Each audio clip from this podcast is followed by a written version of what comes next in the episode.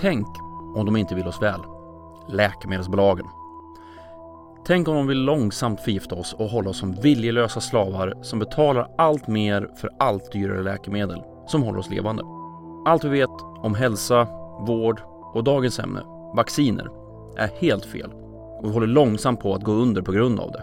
Ja, så här ser verkligheten ut, i alla fall om man lyssnar på antivaccinationsrörelsen. Det spelar ingen roll om vaccin skyddar mot sjukdomar som riskerar att skada och i värsta fall döda oss.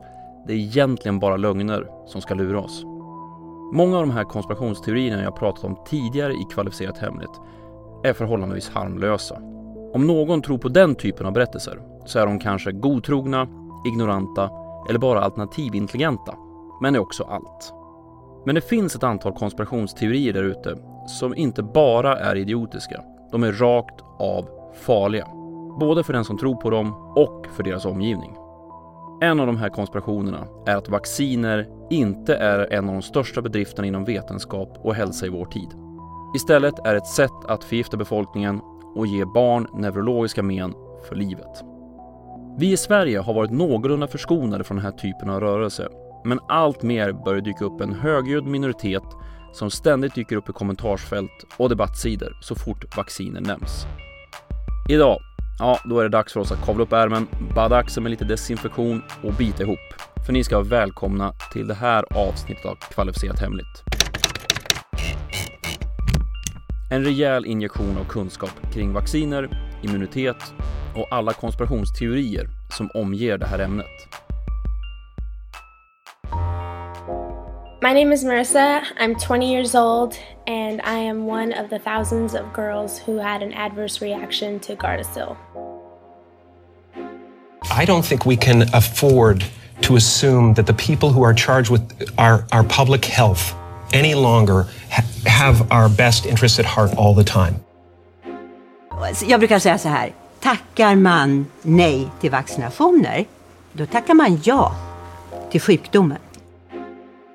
So even if vaccination did cause autism, which it fucking doesn't, anti vaccination would still be bullshit.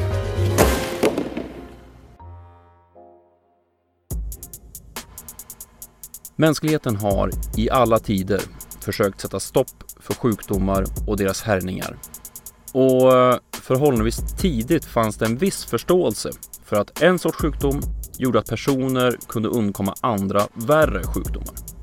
Men det var på 1700-talet som vi kom allt närmare förståelsen för hur vi kunde skyddas av det vi idag kallar vaccination. På den här tiden var smittkoppor en fruktad farsot som drog fram över världen. Dödligheten var hög 8-20 procent. och som så ofta med sjukdomar var det barnen som drabbades värst. Och överlevnaden av smittkopporna var man ofta märkt för livet av ärr från de blåsor som sjukdomen förde med sig. Det var en brittisk läkare vid namn Edward Jenner som kom att bli den person som tillskrivs upptäckten som kom att skydda mot smittkoppor. För Jenner hade märkt att mjölkerskor ofta smittades av kokoppor, en mycket mildare sjukdom jämfört med smittkoppor, men nära besläktad. Så Jenner drog slutsatsen att om en person utsätts för kokoppor kommer denna att, peppar peppar, vara skyddad mot smittkoppor framöver. Ja, hypotesen var på plats och det återstod bara att testa principen. Och det får bli trädgårdsmästarens åttaåriga son som blir testobjektet. Jenner, han tar sårvätska från en kokoppsblåsa och rispar in i huden på pojken, som blir sjuk i kokoppor. Men efter en kort period av feber repar han sig. Nu kommer sanningens minut.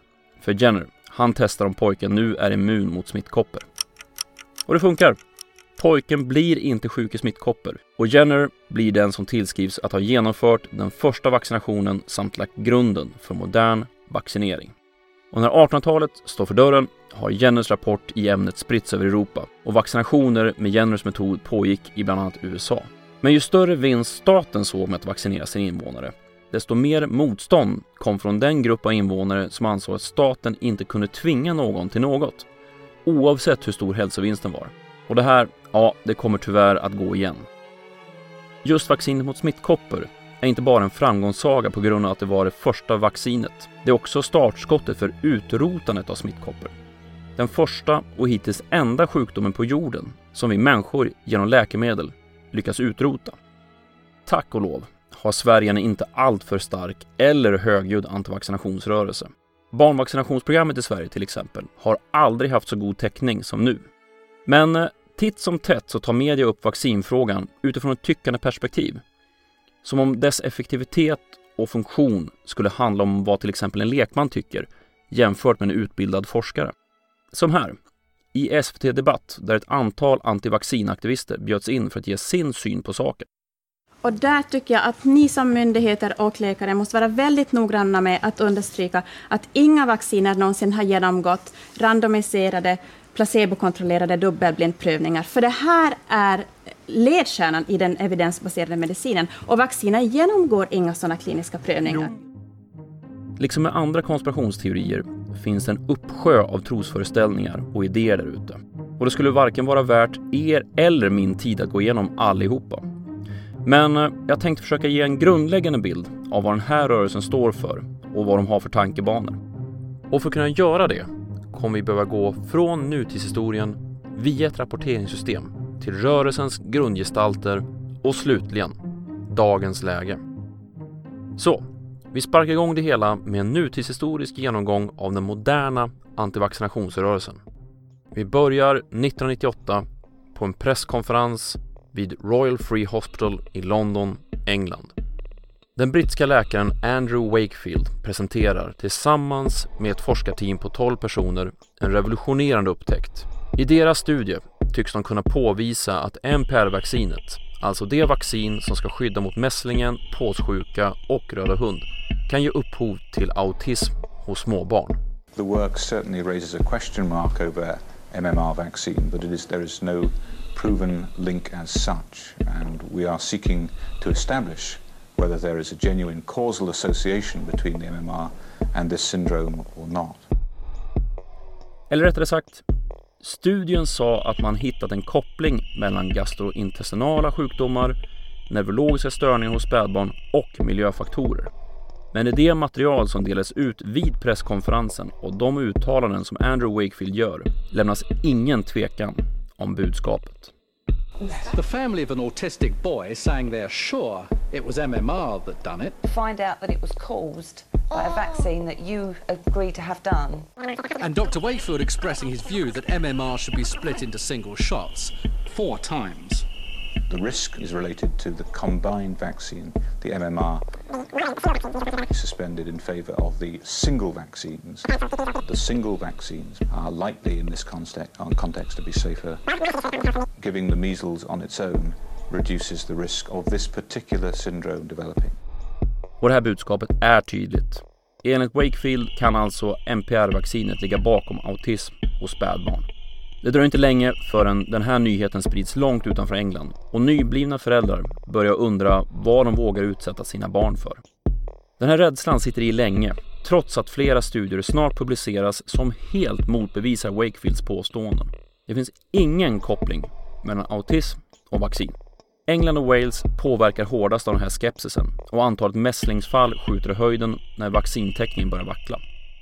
2004 avslöjar så en journalist att Andrew Wakefield haft ett ekonomiskt intresse i den här affären. Innan studien publiceras hade han tagit emot 55 000 pund för att försöka ta fram bevis mot vaccintillverkare. Bevis som skulle visa att barn skadas av just MPR-vaccinet. Unknown to Dr. Wakefields colleagues, the research on autistic children had begun with a contract from a firm of solicitors who were trying to sue MMR manufacturers. Och än mer talande. Flera av familjerna som var med i Wakefields studie var också delaktiga i en rättsprocess mot vaccinföretagen. I slutändan ska det visa sig att Wakefield tagit emot mer än totalt 400 000 pund för att ta fram material som så att säga bevisar MPR-vaccinets farlighet.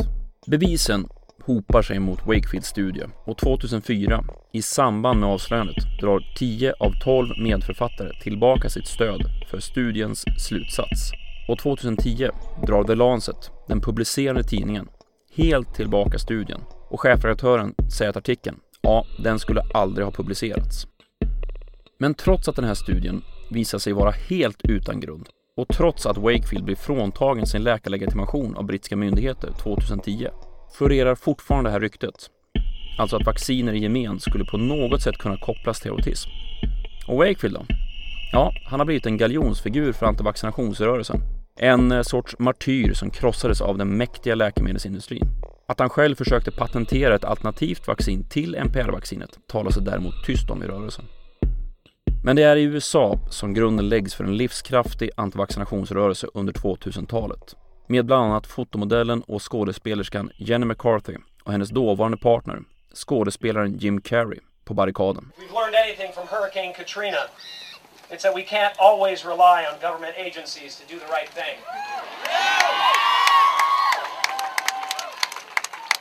Oftentimes, they will avoid the obvious cause of a problem if the solution is inconvenient. And I certainly wouldn't trust the drug companies to regulate themselves. Födan för rörelsen kom från Wakefields studie. Något som ledde till en mytbildning att det var konserveringsmedel som användes i en del vaccin. Tiomersal, eller thimerosal på engelska, som låg bakom stigande siffror av autismspektradiagnoser. Det spelar ingen roll att ämnet snabbt bröts ner och fördes ur kroppen. Inte heller att studie på studie visar att antalet fall av dem med den här typen av diagnos inte ökat.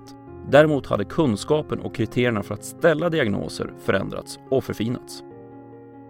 Amerikanska myndigheter plockar så bort Timersal från vacciner runt millennieskiftet. Inte för att det var farligt, utan delvis som en eftergift till oroliga föräldrar och för att det fanns andra likvärdiga medel. Men det här, det hindrar inte antivaccinationsrörelsen. Istället flyttar man så målstolparna.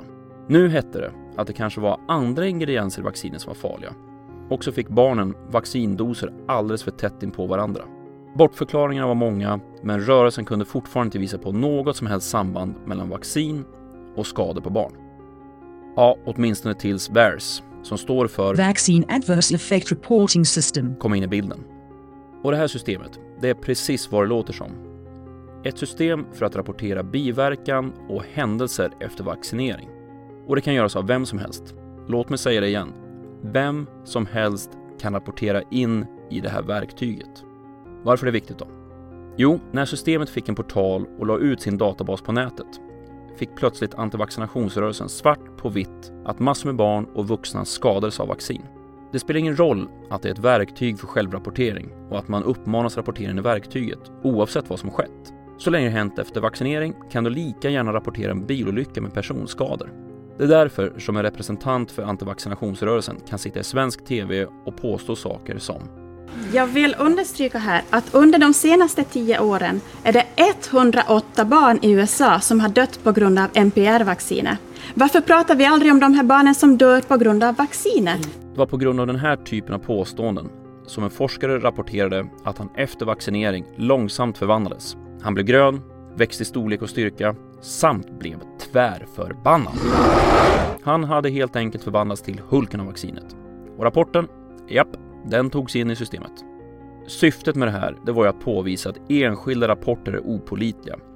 Istället ska man se det här systemet som att det är till för att göra studier på befolkningsnivå. Genom statistiska verktyg kan man se om det finns en verklig skaderisk med en viss typ av vaccin. Men enskilda fall är meningslösa att använda som exempel. Nej hörni, låt oss ta ett litet avbrott i alla påhitt från den här rörelsen och istället diskutera hur det här med vacciner fungerar och varför de är bra, inte bara för dig som enskild, utan också för samhället. Immunförsvaret, ja, det är vår kropps sätt att hantera invaderande smittämnen i form av bakterier, virus, parasiter eller svamp. Och har vi väl haft en sjukdom känner immunförsvaret igen den här smittan och kan hantera det mer effektivt nästa gång. På det här sättet slipper vi att bli sjuka i samma sjukdom vi hade tidigare. Och genom att vi vaccineras mot sjukdomar så får vi den här typen av immunitet utan att bli sjuka. Vid vaccinering får kroppen ett antigen, ett helt smittämne eller delar av det, så att immunförsvaret reagerar på det. Den här reaktionen innebär att immunförsvaret producerar antikroppar och immunförsvarsceller mot smittämnet. Så, nästa gång sjukdomen dyker upp har immunförsvaret möjlighet att direkt bekämpa smittan utan att vi blir sjuka. Har tillräckligt många personer i en befolkning vaccinerats mot en smitta kan man uppnå det som kallas flockimmunitet. Det här innebär att smittan aldrig riktigt får fotfäste i befolkningen och inte heller kan spridas. Principen, ja, det är en av de viktigare skydden för de som inte kan vaccineras. Som spädbarn eller till exempel de som genomgår cellgiftsbehandlingar. Men det här gäller också åt andra hållet. Om vaccinationsgraden sjunker försvinner också till slut flockimmuniteten vilket resulterar i att trots ett stort antal i befolkningen är skyddade med vaccin kan smittan ändå få fotfäste. Och var gränsen går för flockimmunitet beror helt på hur smittsam sjukdomen man vill skydda sig mot är. För till exempel mässling behöver befolkningen vara väldigt väl skyddad, över 90 procent. Precis som med övriga konspirationsteorier så är titlar oerhört viktiga inom antivaccinationsrörelsen. Det vill säga, de titlar som håller med om den egna rörelsens villfarelser. Bonuspeng blir det om personen har en läkartitel eller har jobbat inom läkemedelsforskning, men det är inte ett krav.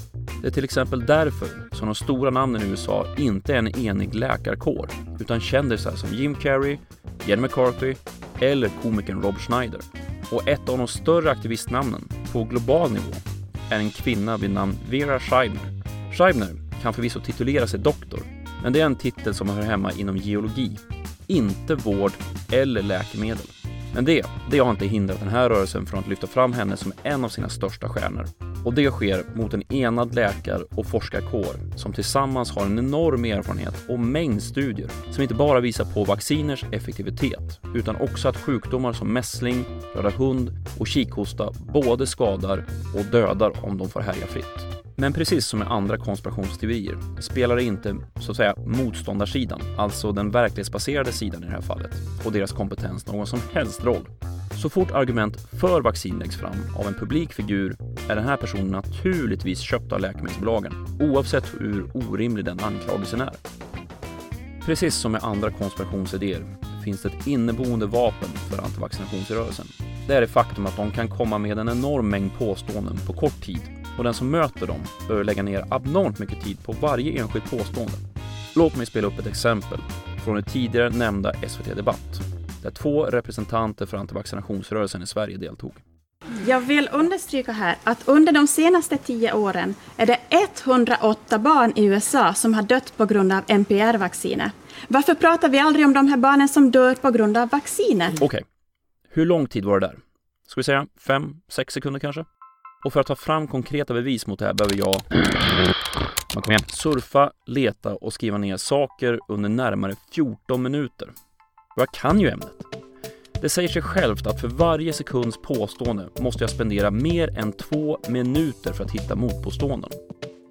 Och det är också här som vi rör vid rörelsens kanske starkaste kort. För deras berättelse är inte en om en befolkning eller en population, utan det handlar om individer varje gång. Och det spelar ingen roll hur många liv som potentiellt sett räddas, för varje sådant argument kan mötas med “Men är det värt dessa skador?” och så hänvisar man till någon som anser sig vara skadad av vaccinet. Vilket för oss in på nästa ämne, som är väldigt starkt förknippat med Sverige.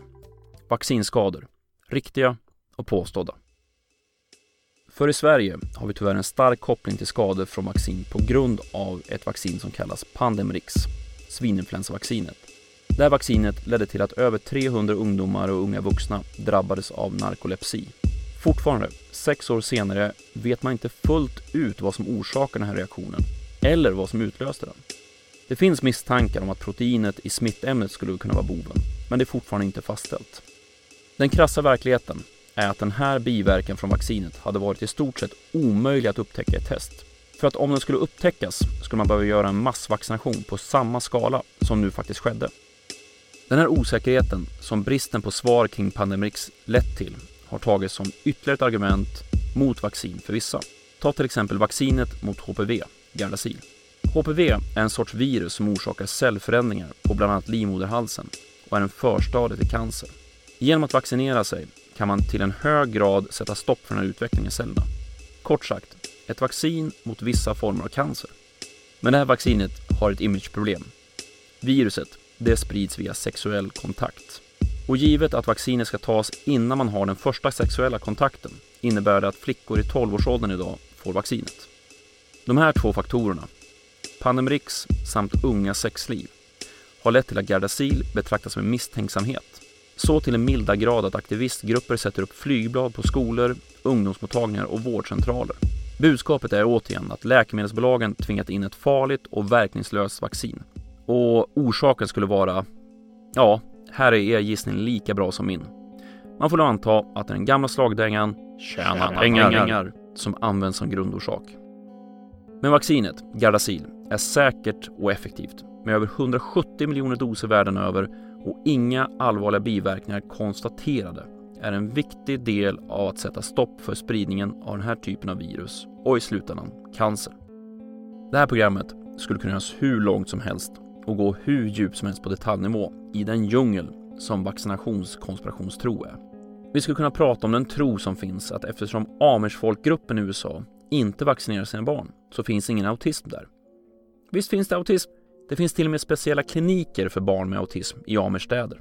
Vi skulle kunna diskutera de fall där unga kvinnor varit drabbade av någon åkomma och i sällsynta fall till och med dött strax efter vaccinering med Gardasil. Och där har föräldrarna pekat ut vaccinet som boven. Okej, okay bara för att något sker efter en annan händelse betyder det inte att de här två händelserna är sammankopplade. Det vanligaste exemplet med dödsfallet efter vaccinering med Gardasil till exempel var en brittisk flicka som visade sig ha långt gången bröstcancer. Jag menar att exemplen är så extremt många på hur den här rörelsen resonerar. Och tyvärr har de fått delar av media att tro att vetenskap, ja, det handlar om två sidor som har lika eller lite olika rätt, beroende på hur man argumenterar. Men självklart är det inte så. Vetenskap är inte att tycka. Det handlar om att testa hypoteser som sen blir teorier som sen testas med och mot andra teorier och sen blir någon form av konsensus. Och för vaccin är den vetenskapliga konsensusen oerhört stark.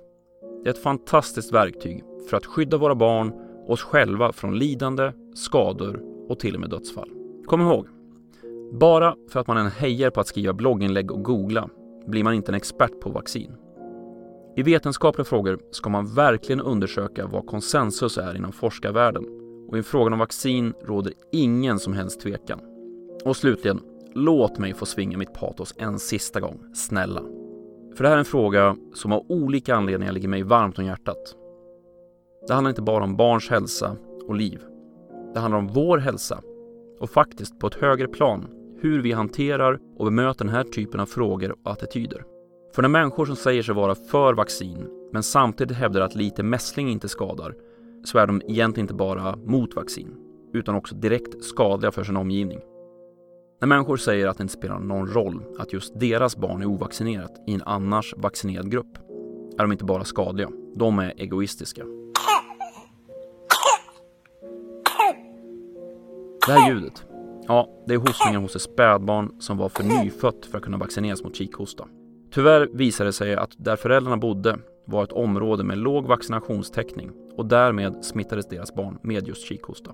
Kort efter man filmade det här klippet avled barnet. Och det är på grund av den här typen av händelser och inställningar som det här programmet behöver spelas in och nästan trycka upp infon i era öron. För det här tänket måste sätta sig. Att vetenskaplig konsensus och flockimmunitet väger oändligt mycket tyngre än några människors idoga googlande på nätet. Du har lyssnat på Kvalificerat Hemligt, en poddradio om konspirationsteorier och vetenskap. Länkar till musiken, videoklipp och annat som nämns i programmet återfinns på programmets hemsida, khpodden.se. Jag heter C. Åkerberg och tack för att du har lyssnat.